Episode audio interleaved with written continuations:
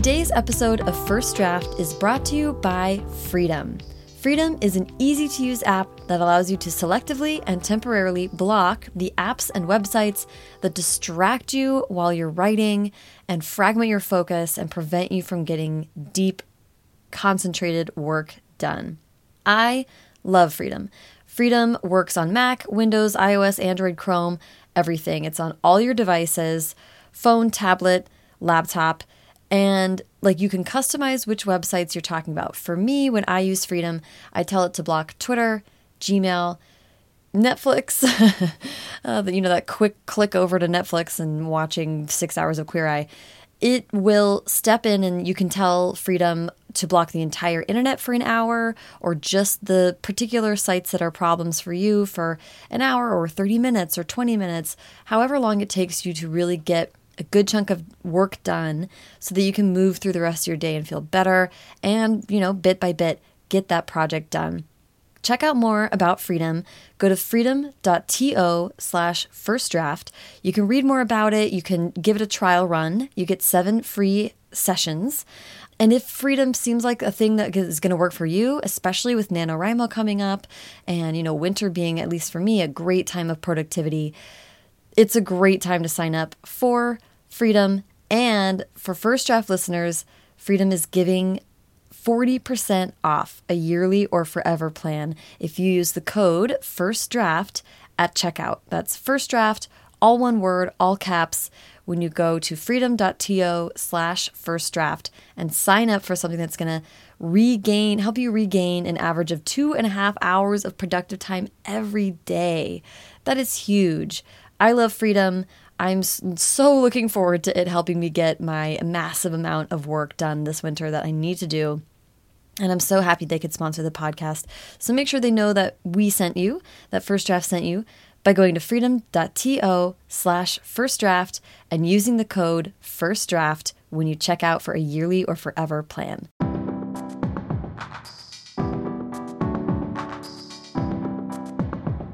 Welcome to First Draft with me, Sarah Enni. This week I'm talking to Ruta Sepetys, winner of the Carnegie Medal and New York Times best-selling author of Between Shades of Gray, Out of the Easy, and Salt to the Sea, about her newest novel, Fountains of Silence. Ruta had such interesting things to say about how studying finance prepared her for her career as a creative professional, being a rhythmic writer, and how researching tragedy has shown her generational joy and gratitude. So please sit back, relax, and enjoy our conversation. I like to start at the very beginning, which is where were you born and raised? I was born and raised in a suburb of Detroit, Michigan. Okay. yeah. And I really want to hear about about your home life and about your family growing up. First, I just want to know how reading and writing was a part of growing up for you. It was a huge part of growing up. I'm the daughter of an American mother and a Lithuanian father. And my parents came from backgrounds of of struggle, I would mm-hmm. say. My father fled from Lithuania when he was a little boy, spent nine years in refugee camps, came to the United States when he was 15 and mm-hmm. didn't speak a, speak a word of English, and of course didn't read English. My mom was the baby of 10 kids, and her father died when she was two and it plunged the family into hardship. My wow. mom had to leave school. So again, reading and writing for my parents, th these were things that they had to learn on their own. Mm. But as a result, it became so important for mm their mm-hmm. children. And so our house was full of books and music and my father's an artist and wow. so books and music and art it played such a huge role from the time i, I can remember. Yeah. Um, yeah so that it's always been really Im important to my parents important yeah. to me. So i started That's... reading even though i wasn't a strong reader i started young. I loved books. Mm -hmm.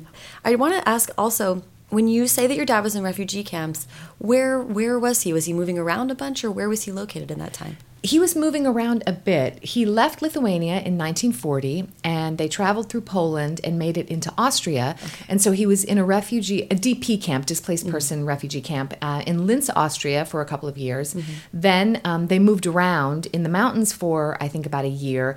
And then they settled in Biberach, Germany, mm. uh, into a displaced person camp that was primarily uh, comprised of Baltic people. So they set up their own schools and their and my dad lived in that camp for, for quite some time. Interesting. It's it's fascinating. Kezia, it seems like you're a pan European person, um, which is really great. And and I really want to ask about music at home because of what you went on to do professionally for a little bit. Um, so how was music a part of like family life? It was a huge part of life in a very casual way my parents were always playing music. My father loved jazz. We I grew up in Detroit. My mm-hmm. mom loved Motown. And so, and, and also during that time, uh, this is going to show my age, but the radio was really prominent. My mom always had the radio on mm-hmm. in the kitchen. She was listening for news and things like that. And by extension, I was always hearing music. Mm-hmm. And so then I asked for a radio for Christmas, like a little transistor, and I would listen to music in my bedroom. And it was really inspiring for me because within a song is a three minute story. Mm-hmm.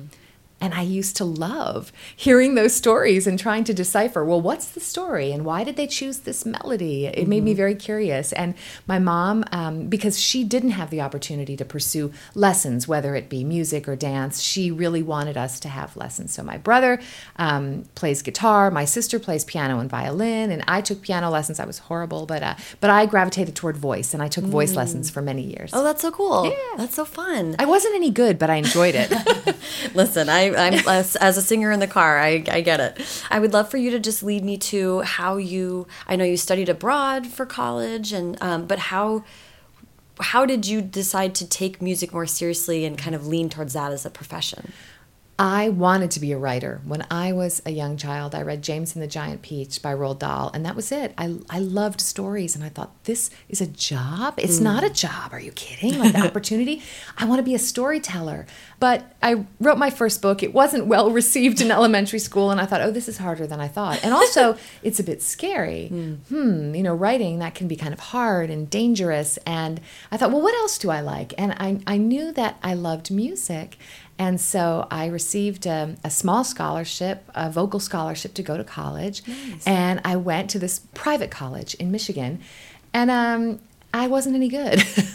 and I thought, oh no, okay, so writing, I didn't turn out that I was very good. And, and music, now what am I going to do? But I, I wanted to pursue the business of music. Mm. And so instead of majoring in music, I majored in business, in international finance, international management. And that's what I did. And after I graduated from college, I moved here to Los Angeles and spent 22 years working in the music business. Yeah. Still helping artists and musicians tell stories, mm-hmm. but through music. And they weren't my own stories. Mm-hmm. I was helping them mine and distill their own stories to put them into, you know, compositions and albums and different promotions and things like that. Yeah, that's so interesting. I mean, international finance is a bit of a far cry from voice or music certainly a different like part of your brain even how did you like it I loved it. Yeah. Um, and that probably came from my father. My father's an artist uh, and also a soccer player. And my dad went into the ad agency business and created a graphic design arm. And I saw that my father was a fine artist and is a fine artist, mm -hmm. but there was a business attached to this art. And I saw my dad as the CEO of a company and an entrepreneur mm-hmm. owning his own company, which I think is probably common for a lot of immigrants. You mm-hmm. know, that they're they're entrepreneurs, they start and certainly for Lithuanians. And so I was inspired by that. And I had had no exposure to corporate America mm-hmm. whatsoever. It was always owning owning your own business. Mm-hmm. This is what mm-hmm. Lithuanians do.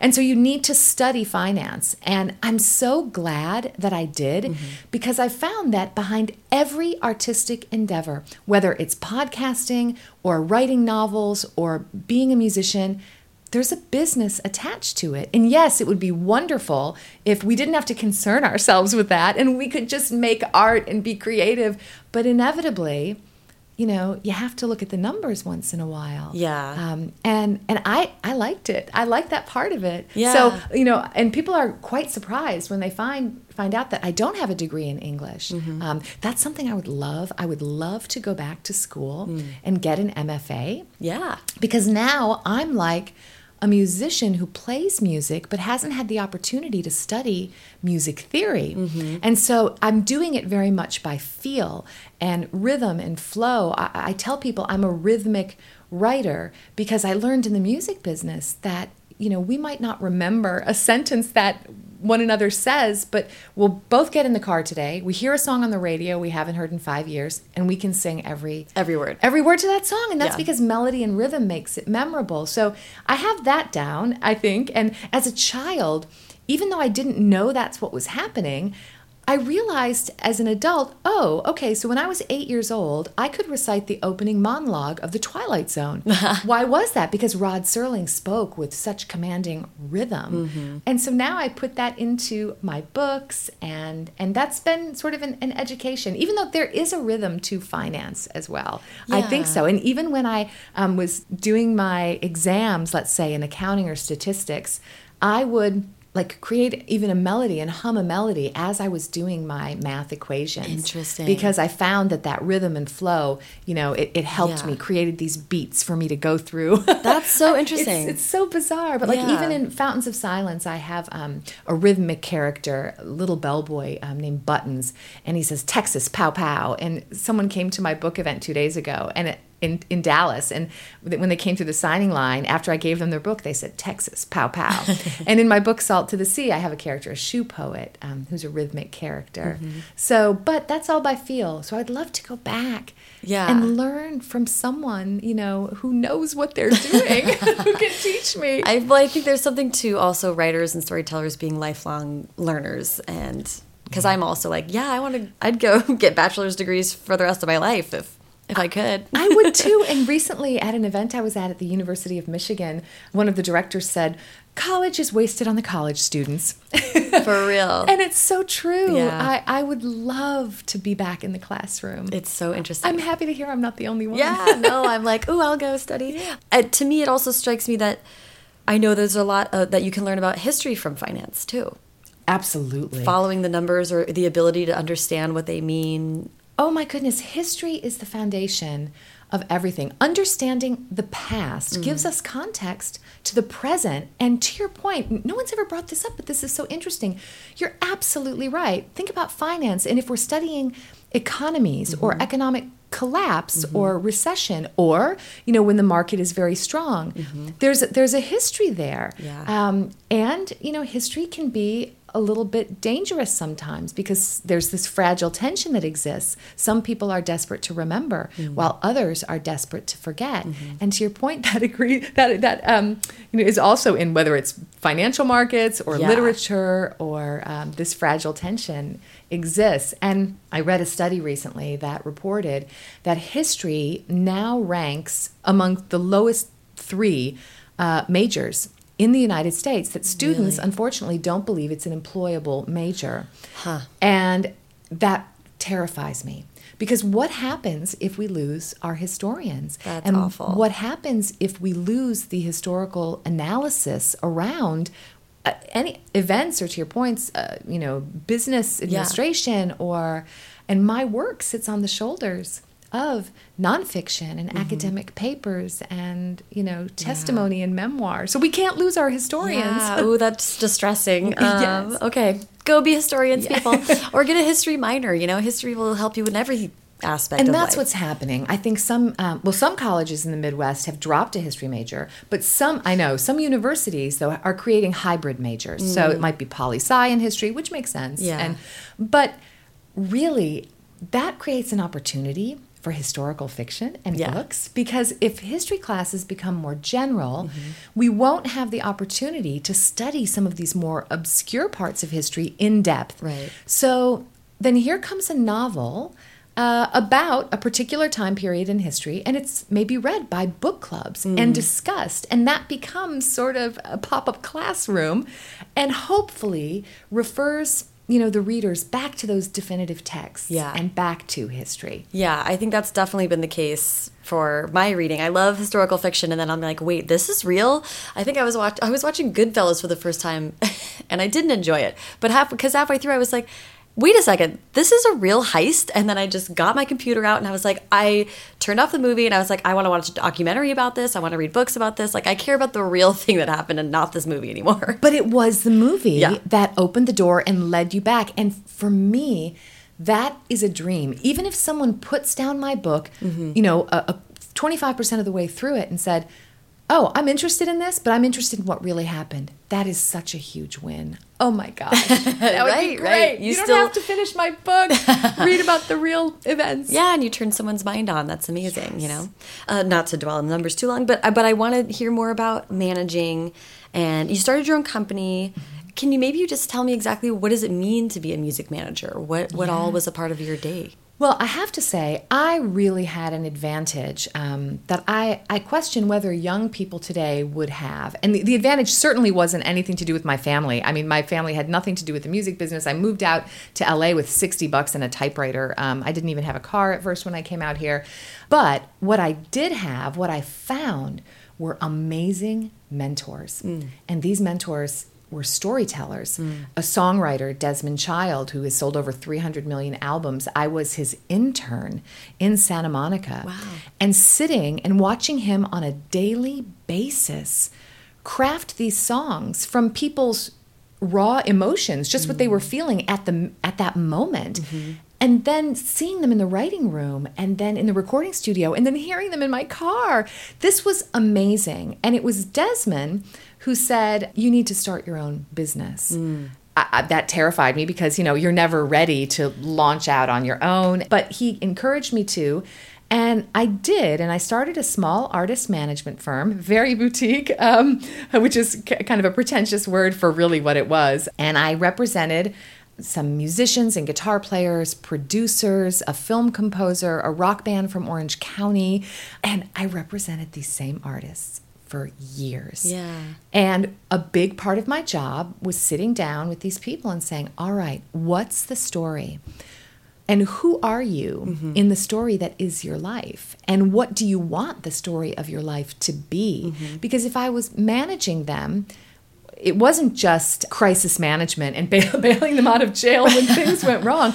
It was also okay. Where where do you want to be a year from now? Where do we want to be two years from now? Mm-hmm. Where do we want to be five years from now? Who are some of your creative heroes? Mm-hmm. We put together like a creative manifesto, and I would ask them to list you know just some feelings about things. And and those creative manifestos gave me so much insight mm. into for example their heroes and their mm-hmm. inspiration. And I, i'll never forget one of my clients um, when i said well you know who's tell me about your greatest inspiration. And me assuming because we all make assumptions that mm-hmm. that would be a human being. Mm. And my client said that nature was his greatest inspiration.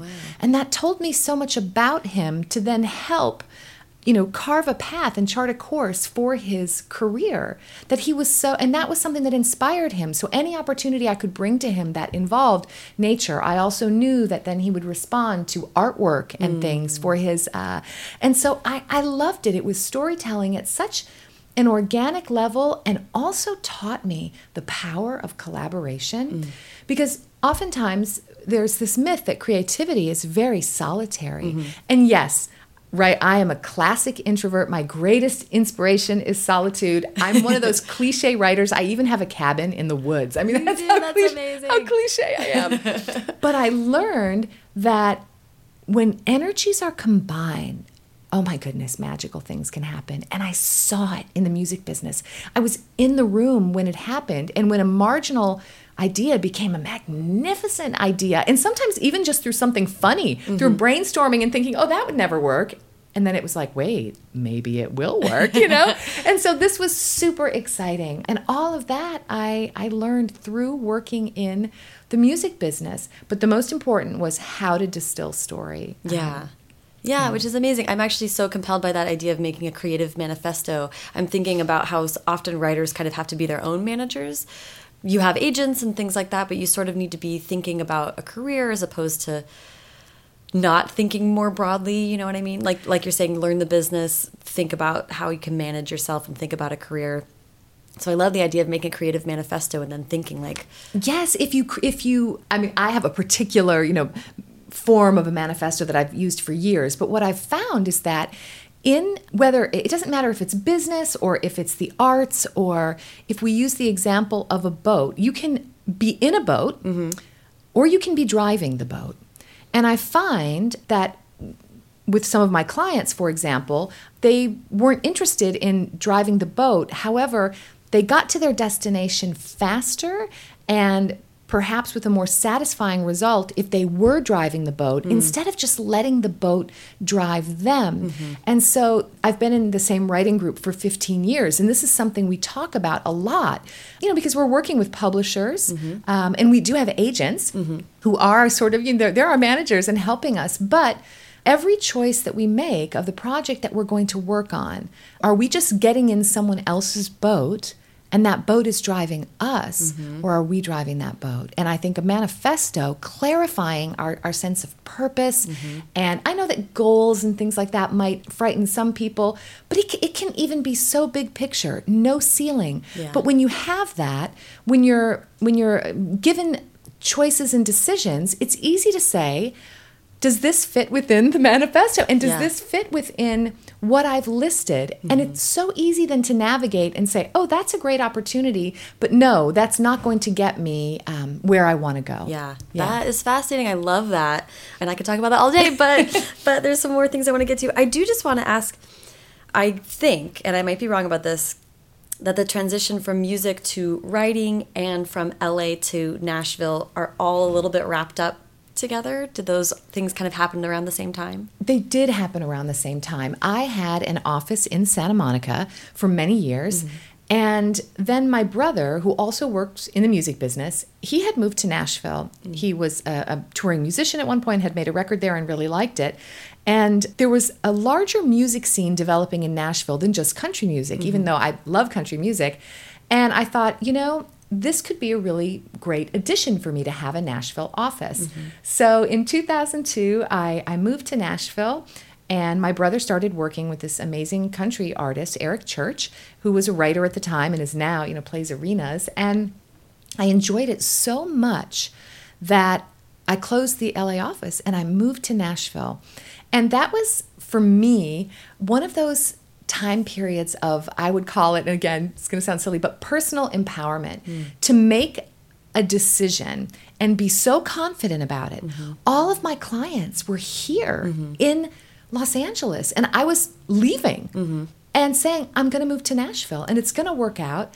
But there was something about it in the back of my mind and in the depths of my heart that told me that I was going to be pursuing possibly my own creativity and that it could be, pardon the pun, but like the next chapter. And so I moved to Nashville and I joined SCBWI, the Society of Children's Book Writers and Illustrators. I started to go to conferences and I started to write.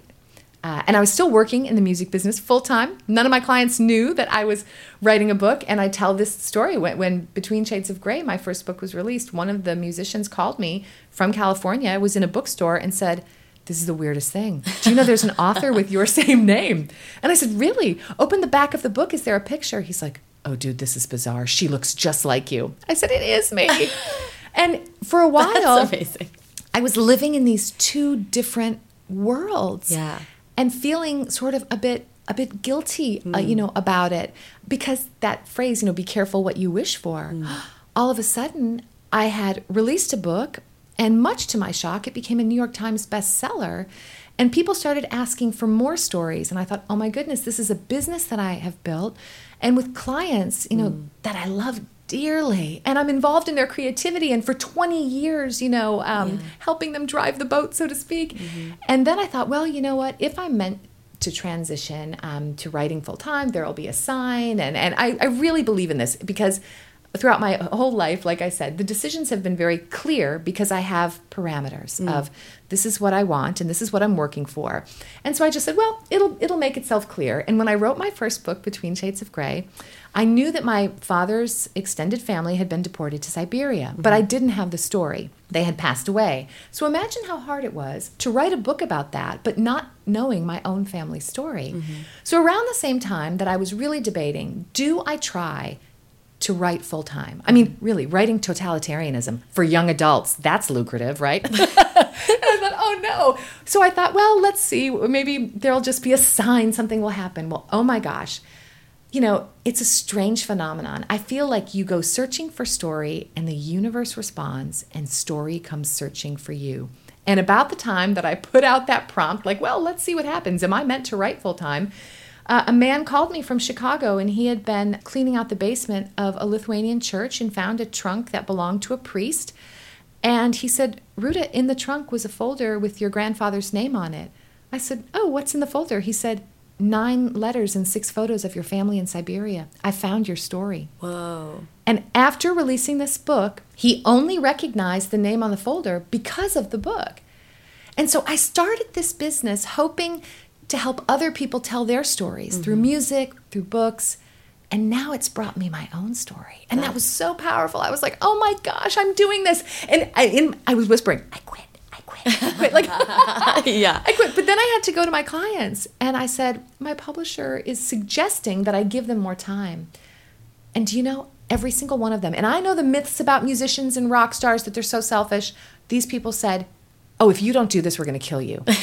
they were so great. You have to do it. They were so great. And last night at the event, there were so many of them there. It that's was amazing. So cool. It was great. That's amazing. I and love. They're, they're, part of my story. Yeah, yeah. and I, that's that's uh, yeah, and I think it's so interesting to see someone enable other people to be creative in this way, and then when something finally comes around, like to be able to recognize like oh this is what this is and now i'm so prepared to like move forward with it but now it's just part of of who i am for example if i if I see a writer or find a book, um, I have a friend, Andrew Maraniss, uh, who writes for Philomel, my publisher as well. Andrew lives in Nashville, published an adult book that was very successful. And I said, Andrew, this needs to be a, you know, adapted for mm. young adults. And I went to my publisher and I was like, and don't manage Andrew Maraniss or it's just purely out of like my enthusiasm. I said, you guys should check this out. And now Andrew's doing it and, and he, there's all this demand for his book. And so it's, that's amazing. Now I, I love it. I think I, I love helping people, you know, more than I love helping myself. Well, there's an instinct to it, right? I mean, I I have that instinct too of like uh, when a friend tells me something, I just want to be like, okay, let do this and this and this. This is another thing to do. Like I can't. It's an impulse. it is. It is. Yeah. And and I I feel bad because maybe that sometimes it's just too pushy. But I get so excited when I see something that I think, oh my goodness, this person is so talented. I yeah. just want to help them. Well, and sometimes hearing that is gives people the boost of confidence yeah. that they need to take that step. So I think it's there's a place for it. Sometimes I have to pull myself back, but say I'm learning. Yep. Let's talk about the. Uh, you've mentioned Between Shades of Gray. Before we get um, much further in talking about that, do you mind pitching that book for us? Between Shades of Gray. Yeah. Yes. Um, uh, Between Shades of Gray tells the story of a 15 year old Lithuanian artist who's arrested with her mother and younger brother and deported by the Soviet secret police to Siberia. And the book chronicles not only the girl's struggle to survive, but her struggle to retain faith in mankind amidst this terror. You know, it's a lottery of life or death and who mm -hmm. survives. Mm -hmm. And do you mind sharing the origin story of the book? Because that, that kind of factors into this time of your life too, I think. Sure. So as you know, as I mentioned, I was constantly asking my music clients, you know, hey, what's your story? And one day, one of them turned the tables on me and said, "All right, Ruta, 20 years. What's the story?" They said, "We want to know what, what's your story." And I said, "Oh, I'm Lithuanian." And he had no idea what that was. Mm. He said, "Oh, I'm I'm so sorry. How long have you had that?" Or people say like, "Oh, Lithuanian, so you're not Catholic?" And I'm like, no, it's not oh, a religion. Funny. It's not a but not Lutheran. yes, exactly. but exactly. But people, understandably, they don't know that much about Lithuania. It wasn't on a map for 50 years. It was a, a Soviet, you know, occupied country. And so one of my clients toured in Lithuania, and I went along. And in meeting my father's relatives, I learned there was so much to my own story. Mm -hmm that I didn't know. Although I knew my father was a refugee, my father himself was not told that when he fled the country that my grandfather's extended family was deported. My mm-hmm. grandparents didn't want him to feel survivor guilt and that he was a child. They said this was not, you mm-hmm. know, your burden.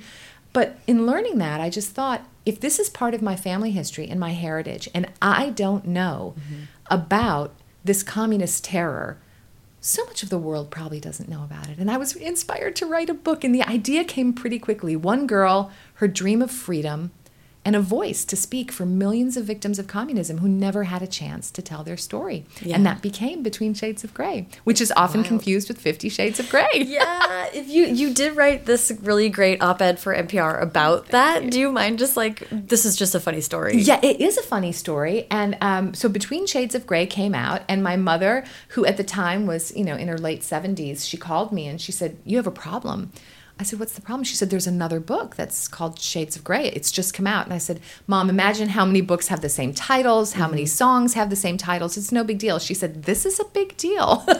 I said, Why? And then she told me, and I thought, Oh man, Lithuania is never going to look so sexy. This is, and I knew immediately what was going to happen and that people would buy my book by accident. And we started seeing that first on the Kindle because hmm. people wanted to read Fifty Shades of Grey, but perhaps they didn't want to be seen buying it in public. Yeah. So they bought it on an e reader. Oh my gosh. And all of a sudden, my sales jumped. And people said, Oh, you must be so, you know, upset. No, I wasn't. First, I wasn't upset because if something brings people to books, I have no problem with that. I, mm-hmm. th- I, if they're reading, Yeah. And so I thought, okay, but then I thought, wow, you know, they come for a spanking and they're getting a story about Joseph Stalin. And I had some beautiful emails from people who said, I'm going to be very honest. I bought the wrong shade of gray, but you know what? I started reading and I didn't put the book down. And and I really felt so accomplished, they said, that I learned something. Um, That's great. And that was that was really great. But it continues. The book was released nine years ago. Wow. Nine years ago, and it's still. Uh, but now that the film has come out, the film adaptation, Ashes in the Snow, there's also a film tie-in, and I think that's easier for schools to take because imagine when kids were going home, seventh graders, and parents saw Shades of Grey on you know in their book bag. Right. Oh yeah. Oh my gosh, that's just it's just one of those publishing like coincidences that was Yes, but I have to tell you, I was holding my breath with my other books. I was like, "Oh no, could there be Then it would be like, what kind of magic are you creating here? Yeah. dark magic?" exactly. I, I would love that. Okay, I want to. So, so between Shades of Gray and Salt to the Sea, I'm a little bit going to group those together Yeah. since they're both World War II stories and mm-hmm. a little different. I'll have you give more detail about Salt to the Sea in a, in a moment, but. Of course, they involved so much. All of your books in, involve so much research. Mm-hmm. I'm interested in the tie-in between storytelling and hearing your dad's story and being interested in your own family's story and the concept of generational trauma for people who are refugees and who are displaced and um, and of course um, what your family went through under communism. Tra- generational trauma is so so it's actually like scientifically proven now uh, we know it's real. In addition to that you also went out and sought other people's stories and kind of took on even more of this sort of of real people's pain and lived experience. I'm j- I'm so curious about what that was like for you and how you thought about the sort of like maybe a calling or a, or a duty to tell other people's stories. Yes, and I think it was something that I underestimated when I began this process because working in music of course and managing artists, yes, I was, you know, tried to be compassionate and things, but to your point um, about, you know, generational trauma, I was speaking to human beings who had been condemned to death, innocent human beings, and had to reconcile that that was their sent that they received this sentence, mm. 15 years in Siberia, and they survived. And so, although there is generational trauma, what is often, I feel, overlooked is also generational joy mm. and generational gratitude. Because when you face this beast of war mm-hmm. or this beast of totalitarianism and come out on the other side, yes, you have lost, but if we feel meaning along the way you've lost, but but these people tell me that if they felt loss, it occurred to them it's because they loved. Hmm. And that's what made them human. Mm-hmm. The fact that they were sad, that they felt sadness at mm-hmm. some point, they felt, well, wait a minute, that means I did love something. Some of these people told me that their suffering had been their greatest spiritual teacher. Hmm. So at the same time that I'm speaking with people and families about these different experiences, wow, the overwhelming takeaway was of gratitude And it really put me in my place because I thought, how in the world can I ever justify these small things that might annoy me during the day when these human beings are telling me the stories? The harder thing for me to get over, which I believe is a component of generational trauma, is a desire for anonymity. Mm. This fear, which is driven by fear people, let's say, let's take Between Shades of Gray and my new novel, The Fountains of Silence. In Between Shades of Gray, people who were deported to Siberia, and if they survived and returned, mm-hmm. if they spoke of Siberia, they were deported again. Mm-hmm. They couldn't speak of this. Mm-hmm. And so they lived with the secret for 50 years. In the Fountains of Silence, after the Spanish Civil War, the families who opposed Franco during the war, they were plunged into silence. Mm. They were so fearful to speak of it. A woman told me she had a cardboard father. She she wasn't even allowed to put her father's photo on the wall, so she you know took the frame apart and took that piece of cardboard with the photo and put it in the bedside table. And that's how these people lived. And they didn't want to talk about it. They didn't want people to know that they were associated with a Spanish Republican family who had opposed Franco. And so, this request for anonymity is also part of this generational trauma. Feeling that you can't step in and take ownership of your own history. Mm-hmm. And what does that do? I, I asked the questions when I was writing Fountains of Silence Does silence truly heal pain, or does it just prolong it?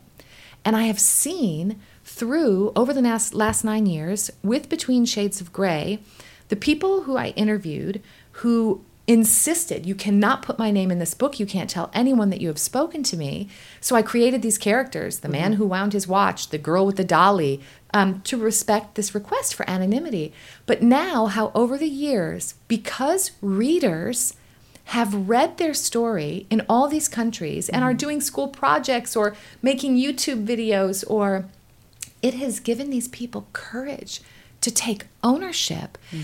And that's part of healing. Mm-hmm. And so when you think of generational trauma, what surprises me is we often think that that healing has to come within our own family. But no, sometimes it's the gift of an outsider who brings us mm. that healing. And that's the power of books and the power of story. Mm-hmm. Um, but for me, as I'm researching the stories, it's so painful. As I explained, I'm I, I want to help everyone. Mm-hmm. This is my and I lay awake at night thinking of the stories. And so when I write a book, instead of researching and putting it aside and then saying, okay, my research is done, I'm going to start writing, I research and write at the same time oh. because I fear that if I do it separately, I'm going to lose the emotional momentum mm. of what I'm feeling. Mm. And if I am crying with a survivor or with the family member of a victim, out of respect for them and this experience, I want to put that emotion into the text so it'll be as authentic as possible. So after I interview someone, I, I you know sit on outside or and I you know handwrite these notes of the emotional hits, and one of those emotional hits became the first line of Between Shades of Gray. I was interviewing a woman. And she was just talking about the injustice of it all and how her family had suffered such trauma. And she said, we were innocent. My dad was a college professor. They broke into our house. They took my dad. And she said they grabbed me out of bed. And she said, Ruta, do you understand? They took me in my nightgown. And they took me in my nightgown became the first line of the book. So I, I try to live within this generational trauma, mm-hmm. but to move from reaction to observation. Because mm. if I just live, you know, stay that tightly within it, I'll be a mess. Yeah, I was going to say that's what occurs to me is sort of, and especially coming from the perspective of other writers who might want to write historical fiction, just thinking about how you care for yourself when you are dealing with these very extreme stories. Right. Yes. Also, the funny thing is, people, I think, because some of the stories I, I write are extreme, they think that I'm going to be a very intense and serious person. But what I've found is that I have to give myself the opportunity to laugh. Mm-hmm. I have to give myself the opportunity to move and move, meaning, so I am laughing and I'm dancing every single day. And people think, What's wrong with you? Do you have a split personality? No. I've learned, even from when I was a child, that if I'm hurting, sometimes the best shield mm. Can be humor, the best shield for, for hurt, because I'm laughing and I, I'm with one hand flapping and saying, Look here, look here. And my other hand is over my heart saying, Don't look here. So laughter, and, and that's a huge component of what I try to do. yeah, I was seeking out to kind of help counter seeking out humor and i know that's what drew me to my amazing spouse Yeah. he's really funny good. and we need that laughter in life you know Yeah. Yeah. Well, um, we have just about 10 or 15 minutes left, so I'm going to jump to Fountains of Silence so we can get into that. Do you mind pitching that book for us really quick? Sure. The Fountains of Silence is set in 1957 in Madrid, Spain, during the dictatorship of Francisco Franco. And it follows the story of 18 year old Daniel Matheson, the son of a Texas oil baron, who comes to Madrid with his parents. And in Madrid, he meets Ana, a girl who's working at the hotel. And together, Daniel and Ana unknowingly embark upon a journey that puts both of their lives in danger. Mm-hmm. And when I told people, oh, I'm writing a book, it's set in Madrid during the dictatorship of Franco, there were a couple people who said, oh, I love Madrid. I've been, but remind me, who was Franco? And this really fascinated me because mm-hmm. I myself, and look, I was steeped in dictators with whether it was Salt to the Sea, with, with Hitler and Stalin, and Between Shades of Gray with Stalin. And yet, Hitler, Stalin, Mussolini, we, we know the villains' names, we teach them. Why don't we know more about Franco? Yeah. And it lasted for so long. 36 years. Yeah. Yeah. And, And that, incredibly recently, I mean, it's really wild. I mean, I, I myself was woefully under, I did not know. Uh, and it ju- but it just begs the question what determines how history is preserved and recalled? Why do some of these stories, you know, become part of our collective consciousness and other parts of history remain hidden? And sometimes I tell students, you know, um, especially middle schoolers, they get excited. I'm like, what is history hiding from us? They're like, what? like, we need what to do the research. Yeah, exactly. What's the answer? Yeah. So uh, uh, I love that you just were talking about writing and researching at the same time. That's fascinating. I didn't know that that was your process. And I, because this book took you, I think, seven or eight years. Seven years. so I had imagined many of those years being really just focused on research, but it sounds like it was just seven years of trying to do both at the same time. Or how did that process work? It was, and I've explained to other people that my uh, my you know my three other books contain threads of my personal family history. So I could write those books from the inside out. At least I had a knowledge of the culture. But for this, I'm not Spanish. And I don't speak Spanish. And the language is like the, the key to the soul of, of the culture. So I had to write this book from the outside in. And uh, I spoke to my publisher in Spain, first of all, to request permission hmm. and get their opinion.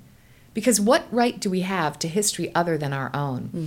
And I thought, if I want to do this, it's going to take me a long time and I have to do it well. And they said, Ruta, we think you should do it. Sometimes looking at history from a different altitude can hmm. be interesting.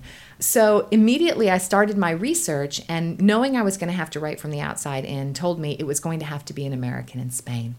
So early parts of my research were dedicated to that, looking at um, the infusion of uh, American business in Spain during a dictatorship. Yeah. Franco didn't do business with other countries, but he was doing business with the United States. Why? And going into the diplomatic archives and the presidential archives and seeing the arguments on record, because some people were saying, are we helping the Spanish people or are we helping the dictatorship? Yeah. And that was fascinating to me. And so, yeah, I started to write it at the exact moment that I started to research. It's so fascinating. And the book throughout has those conversations. You're saying this kind of interstitial, like straight from the archive kind of um, dialogue. Harry Truman is in there a bunch. And I thought that added so much. It was so fascinating to dive you. in and out of like, oh, like just reminders like this is a, I'm reading fiction, but it's so not. It's so vivid. It's so real. And Thank you. Yeah. And, and the diplomatic archives, these American diplomats who were in Spain in the 50s, first of all, some of them were so badly behaved, and that made for a fascinating. yeah, some of the fascinating quotes are re- spicy. They were spicy. and I thought, oh my goodness. And how did these people get these positions? And then what in the world made them go on record during these oral history interviews? They just thought, oh, I'm just going to tell all these, I'm going to tell all these stories. But then I had to decide what serves the history. And because I often say I write the books, but history writes my stories, I can't even look at it from a point of view of what information serves my story. Mm. No, what serves the history and what's going to give us a balanced approach Mm-hmm. and not just tell one single story because history has many angles, I yeah. think. Yeah, and and and something that is uh, you've you've already brought it up, and it's something that I that I was thinking about as a thread through your books is the sort of like railing against silence. Um, literally telling a story is the opposite of being silence, and and learning that what was it called in um, the pact of silence? Is Oh, that Pact of? Forgetting. The pact of forgetting. Do you mind just telling? Yes. So so imagine it's 1975 and Franco dies. Spain has been living under this dictatorship for 36 years and now has the Herculean task of trying to transition to a successful democracy. And it was so fragile that they thought if we start prosecuting 36 years of alleged offenses, hmm. It could plunge the country into another civil war. So they agreed to pass an amnesty law in 1977 and adopt what is now known as the Pact of Forgetting, that they would agree to forget. But again, this begs the question what happens if we forget our history? And I understand this was transitional, mm-hmm. this was a transitional period. But I think that silence sometimes breeds speculation. And people, if they don't have the story, they will make up their own. And oftentimes, oftentimes that creates a false narrative. Mm-hmm. And that's uh, or misjudgment. And it's not done on purpose but mm-hmm. we try to fill in the blanks. And mm-hmm. it's almost like ooh what are they not saying? And so we make up these stories. Yeah. and that's the one disadvantage i think. And of course some people prefer to remain silent. As i've said there's this fragile tension between history and memory. Some are desperate to remember others are desperate to forget. We have to respect that. If I had grandparents who, who wanted to adopt a pact of forgetting about, you know, the, the Soviet occupation, it was so painful mm. that they thought, don't do, you know, don't do this. And so we have to respect that. But if there is a way that we can share a human being's story, when they see their story recognized, we can help restore a piece of human dignity. Mm-hmm. And that's, again, a power of books because sometimes history is boring. But all of a sudden, through a character, and a story, history becomes human. Mm-hmm. And I get emails from people who say, How did you know this is my story? And I've never told a soul. And even if they never tell a soul, I can tell through the email that there's this validation. Hmm. Suddenly the world is less lonely. You know, no one understood and no one had a story like mine. No one experienced this. And then suddenly you realize, oh, there are others. Well, and I think we're seeing in the news right now that when one person speaks up, then other people feel brave enough to share their story or contribute to a narrative that's unfolding and people are discovering what's what's true and adding facts which I'm a big fan of so and and speaking of of this I'm so interested in you obviously love history and and kind of filling up with facts and people's true stories and doing the diligent work of finding out what really happened but you choose to express it in fiction. Mm-hmm. And i mean you've talked about the power of story but it, but it just strikes me i mean do you ever feel any pull towards actually doing nonfiction or how do you think about that? I don't feel the pull toward nonfiction, um, but mainly because, first of all, uh, like as I said, I rely so heavily on these texts, um, dissertations, academic papers that are written by historians, and I know that I'm not a historian, so I I don't feel qualified to write nonfiction about these topics. But the larger reason is because if I approached a topic through nonfiction, I might be limited to one family's story thread. But in writing fiction, I for the Fountains of Silence, I can interview hundreds of people and I can pull threads, let's say, from 20 different human beings and weave them into one character. Mm-hmm. And that's important to me because I feel that then I'm representing a broader range of human experience. Mm-hmm. And in my first novel, Between Shades of Gray, there were countless camps, deportation camps, death camps, labor camps. And by pulling stories, hopefully I'm representing these threads of human experience um, uh, that might apply t- to many different people. So I, that's one of the reasons I, I get to represent a broader range of human experience. And in doing so, hopefully present a more balanced portrayal instead of just picking one side of history because it's never Right. black black and white. It's never, and that's what inspired the title Between Shades of Gray. So, the, and that's the other thing. I think that if I did write nonfiction, it might be more black and white. Yeah, yeah, that's a really interesting point. Um, and you always have multiple narrators as well to kind of, or you, yeah, many times multiple narrators to kind of see all like a prism of one. In Salt to the Sea and in Fountains of Silence, I have multiple um, characters. Between Shades of Gray, one narrator, and the, the novel that I'm looking, I'm writing now is also first person, and, and yeah, and a, a single a single narrator. And Fountains of Silence is my only novel in third person.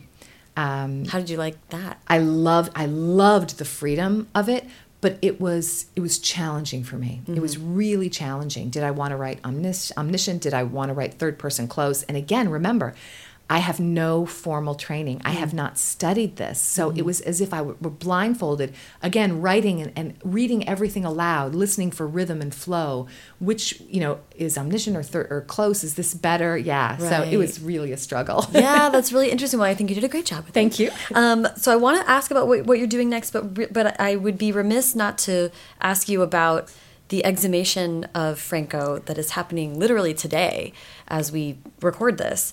Do you mind just telling listeners? I was fascinated as soon as I read your book. I learned, learned more about it, and that's happening. So do you mind talking about Valley of? Valley of the Fall. Yeah. Yes, and also please understand that I'm coming at this from the viewpoint of an outsider, Mm-hmm. and outsiders sometimes are we unreliable observers, you know. Right. Um, so I have to remind myself that maybe maybe it's infused by opinion rather than just fact. There are so many different sides to this, but during Franco's dictatorship, he decided to build what is known as the Valley of the Fallen, which was an enormous financial undertaking, millions of dollars during a time when Spain was suffering from extreme poverty and mm-hmm. millions of dollars were being poured into this monument which they people thought would become a monument to Franco. And what is also painful about this history of the Valley of the Fallen is it was built by the prisoners of the Spanish Civil War. Mm-hmm. And although the Valley of the Fallen, it contains graves, let's say 30,000 people uh, of victims on both sides, mm-hmm. so on the Francoist side and the uh, Spanish Republican side, it's particularly painful because people's relatives died building, building the Valley of the Fallen. Mm-hmm. Some people have no idea where their relatives even are. Are they at the valley or and then when Franco died, he was buried. He was in, his tomb is there at Valley of the Fallen. The cross is so massive you can see it from miles It's away. It's bigger than the Eiffel Tower. Yeah, It's bigger than the Eiffel Tower. And imagine this if we looked out the window and we saw this huge cross that w- could be seen from miles away that was an, a monument to Hitler. Mm-hmm. That would be Shocking. it would be shocking and, and unacceptable. And I think for Franco, because he's you know lived for 36 years, I think the legacy of his dictatorship changed a bit. Near the end of his life, some people said, "Oh, well, he's a benevolent, you know, dictator." But for some of these families, it was still so painful to be faced with this. And then um, there are tourists who go to the Valley of the Fallen. But some people in Spain felt, wait, the story is not really being reflected here. And this is, and it was just, it was a constant source of pain.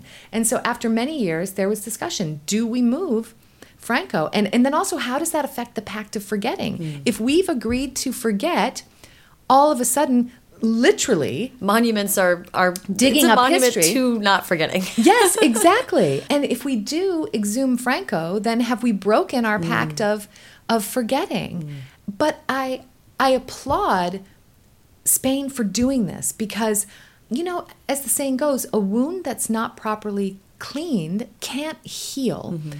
And so for me, even though yes, it's so painful, it's painful for people on both sides. Imagine for Franco's family. I mean, this it's painful for both sides, but I think that so if we get to a point where we can move from reaction to reflection, hmm. and maybe once Franco is moved, we can get to that point of reflection. And mm-hmm. why is that important that we're reflecting and not reacting? Because maybe at that point, old dividing lines will begin to fade. Mm. And we can get to the point where history no longer sits between us or stands between us, but flows through us. Mm. And I think for some people, moving Franco will will help that flow rather than be a barrier. I hope. And again, am I idealistic? Yes, but it's just fascinating. And the timing is just surreal. Kind of wild, yeah. Yes, and someone said, "Oh, this is amazing that you timed the release of your novel with, you know, Franco's exhumation from the Valley of the Fallen." I said, "No, you don't understand. this is I have chills. It feels ghostly to Yeah, me that this is happening." Really wild. Yes. Um, and and fascinating. And I think I was, you know, read your book and then was reading these articles and I was like, oh, I really understand what we're talking about, which is That's, great. That's such a huge compliment. Honestly, that is such a, a great compliment. Yeah, it was so fun. So I'm interested both in what you're writing about next and also how you choose these projects when you know the enormous amount of work that goes into writing historical fiction and, and you know seven years for this one book then what makes a book stand out as this is the one to tackle next I would say that the creative catalyst for me is comes from uh, like some sort of element of compassion. With Fountains of Silence, when I toured for Between Shades of Gray, the people in Spain were so compassionate about these Baltic victims and what happened, and they were crying. And so it made me want to reciprocate and say, Well, what's your story? And that's how I learned of the pain that they were suffering and how many years they had suffered in silence. And that made me want to look into it. Um, and the new book that I'm working on ties into this question. Thanks to Penguin Young Readers Group, my books are published in over 60 countries, and I have the good fortune to be able to tour. And when I toured Romania, I was so shocked at how little I knew about the plight of the Romanian people and how, you know, the Soviets had sort of fed us this propaganda about, oh, uh, I mean, terrible statements, inappropriate um, language, you know, that, oh, Romanians are gypsies and things like this. And the narrative of the orphanages that in Romania that began to define the country mm-hmm. and the people. And there is, when I toured in Romania, I learned there is so much more to it. And the plight of the people was particularly terrifying because in other countries, let's take Lithuania or even Poland, there was a unity in victimhood, mm. there was a solidarity. In Romania, the regime recruited people to inform on one another, and it's estimated that one in every six human beings was an informer. Mm. So there was no unity, there was no solidarity, there was pure fear. And they recruited teenagers hmm. into a spy network, convincing them that it would benefit their family if they did. Ugh. And these poor teens were responsible in some cases for their parents' death, for death of their teachers, of their grandparents, punishment, imprisonment. And so I'm writing about this teen spy network in mm. Romania just prior to the revolution. Wow that sounds amazing It's just Um, the story and the Romanian people are so amazing. It's Yeah. so amazing. I mean, talk about resilience. Oh my goodness. Well, and I know that for this, for Fountains of Silence, you had you even rented an apartment in, in Madrid at one point and went back and forth. So are you going back and forth? I'm going back and forth to Romania. My latest trip was um, not only to Bucharest, but also to uh, Transylvania, to that Yeah. region. Oh my goodness. So beautiful. And again, like I've said, history has many angles. You interview someone in the big city and you get one angle of history. You go out into the countryside or into the mountains and the story changes. Yeah. And it's not that one is true and one is untrue, but the human experience is different. Mm-hmm. And I want to represent those different human experiences. So Yeah. that's crucial. My next trip will be in a couple months. I just keep going back and forth. And I couldn't do this, my work, without the help of my foreign publishers who lead me to interpreters. I don't speak Romanian, I don't speak Spanish, um, that lead me to research sources. And inevitably, when I interview someone, I say, Oh, is there anyone else that you think, you know, uh, might be interested in sharing something or you think Yeah. that I should speak to? Inevitably, I'll get 10 names. And this just keeps getting bigger and bigger. Yeah. And and uh, I want to direct people to you did this wonderful interview with Yin Chang of 88 Cups of Tea. Yes. The only reason I didn't grill you about interviewing all day, which I'm obsessed with and can talk about, is that you did a great interview with her about that. So I'll make sure people are linked to that and Thank can hear how you interview people because it was a really great um, discussion. This has been so amazing. I, I we have to wrap up, but I want to ask um, for advice. So I'd love for you to just share with people, for anyone that's interested in writing historical fiction to me it seems daunting and a little scary but it's so fascinating what would you say to someone who's maybe interested in tackling a project like that I would say, first of all, give yourself permission to fail. Mm. And what do I mean by fail? I don't mean to, you know, to, to get something wrong or but just that your first drafts, mm. you know, they're going to be clunky and they're going to be ugly and they're going to be imperfect, but there's, you know, perfection and imperfection. So give yourself the permission to fail. But then to begin the process, to make it easier, mine your own personal history and do that through a way. If any of your listeners, if their relatives are are still alive, parents, grandparents, uh, you know, extended family members, interview them with broad questions, meaning ask them to, to recall sense memories. Mm. Uh, what did it smell like in your elementary school? Or so you're looking out the kitchen window of the house you grew up in. What did you see? Mm. And those kinds of interviews, interviewing your family first, will help you realize what people respond to, what's an easy inroad to an interview. But in the process, you're collecting, mm-hmm. you know, your own family archival information. Yeah. And so, so start there because I'm fascinated with hidden history and historical fiction, but the most important story we can find and preserve is our own. Mm-hmm. So I would absolutely start there. Pull out that old box of photos, sit with relatives, say, "Who is this in this picture?" Yeah. You know, label those photos. Yeah. And and that'll create a, this curiosity that then will help you know help you as you're moving along with other someone else's story telling someone else's story. Right. And i, I thought that's such a um, such a great piece of advice too about you know because there's a special art to interviewing someone when you're about to write a fiction account as yeah. opposed to a nonfiction account so you can really kind of indulge in like what food did you eat? Like this kind of stuff is and and what do you think people don't understand about this time period? What was like what was a secret a secret dream you know that you would have yeah. or, or or tell me about someone else. Mm. because in nonfiction you know there's no speculation there's no but in fiction they can say well you know that neighbor woman i always suspected that she was you know? Yeah. And and these suspicions and that feeds fictional threads just to know how someone was you know was thinking. Yeah. Yeah. Oh i love that. Um ruta this has been such a delight. Thank you so much thank for taking you. the time. Thank you so much. I appreciate it Thank you so much to Ruta. Follow her on Twitter at Ruta Sepetys and on Instagram at Ruta Sepetys Author.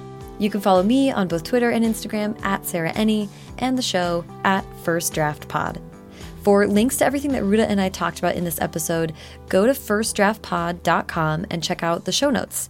They are there for every single episode. This week, I linked to a little bit of background about the Spanish Civil War, the exhumation of General Franco's body, and um, I also linked to Desmond Child, the songwriter that Ruta was an intern for. He calls himself a hitmaker.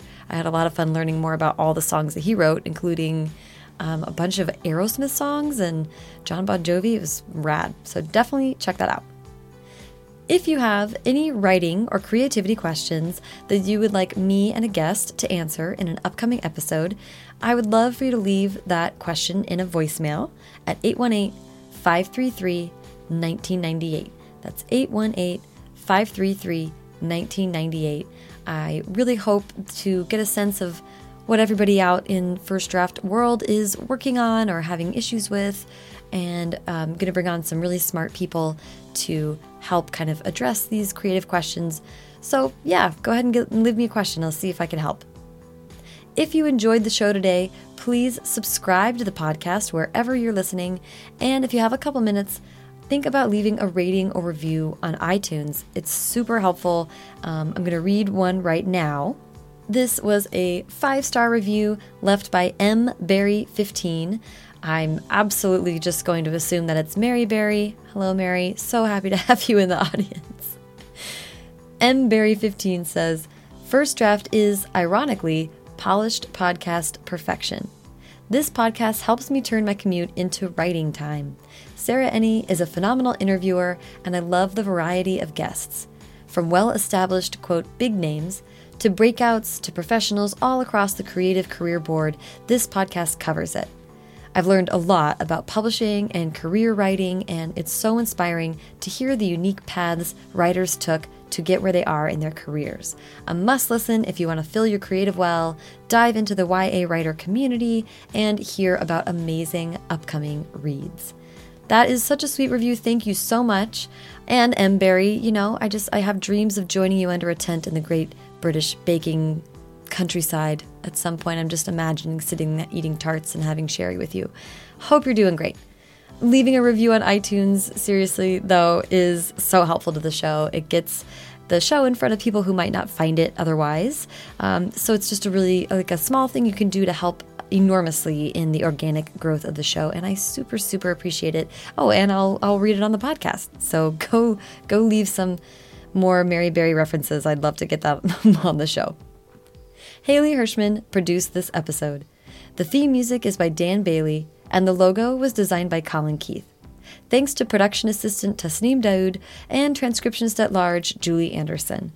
And as ever, thanks to you, spicy diplomats, for listening.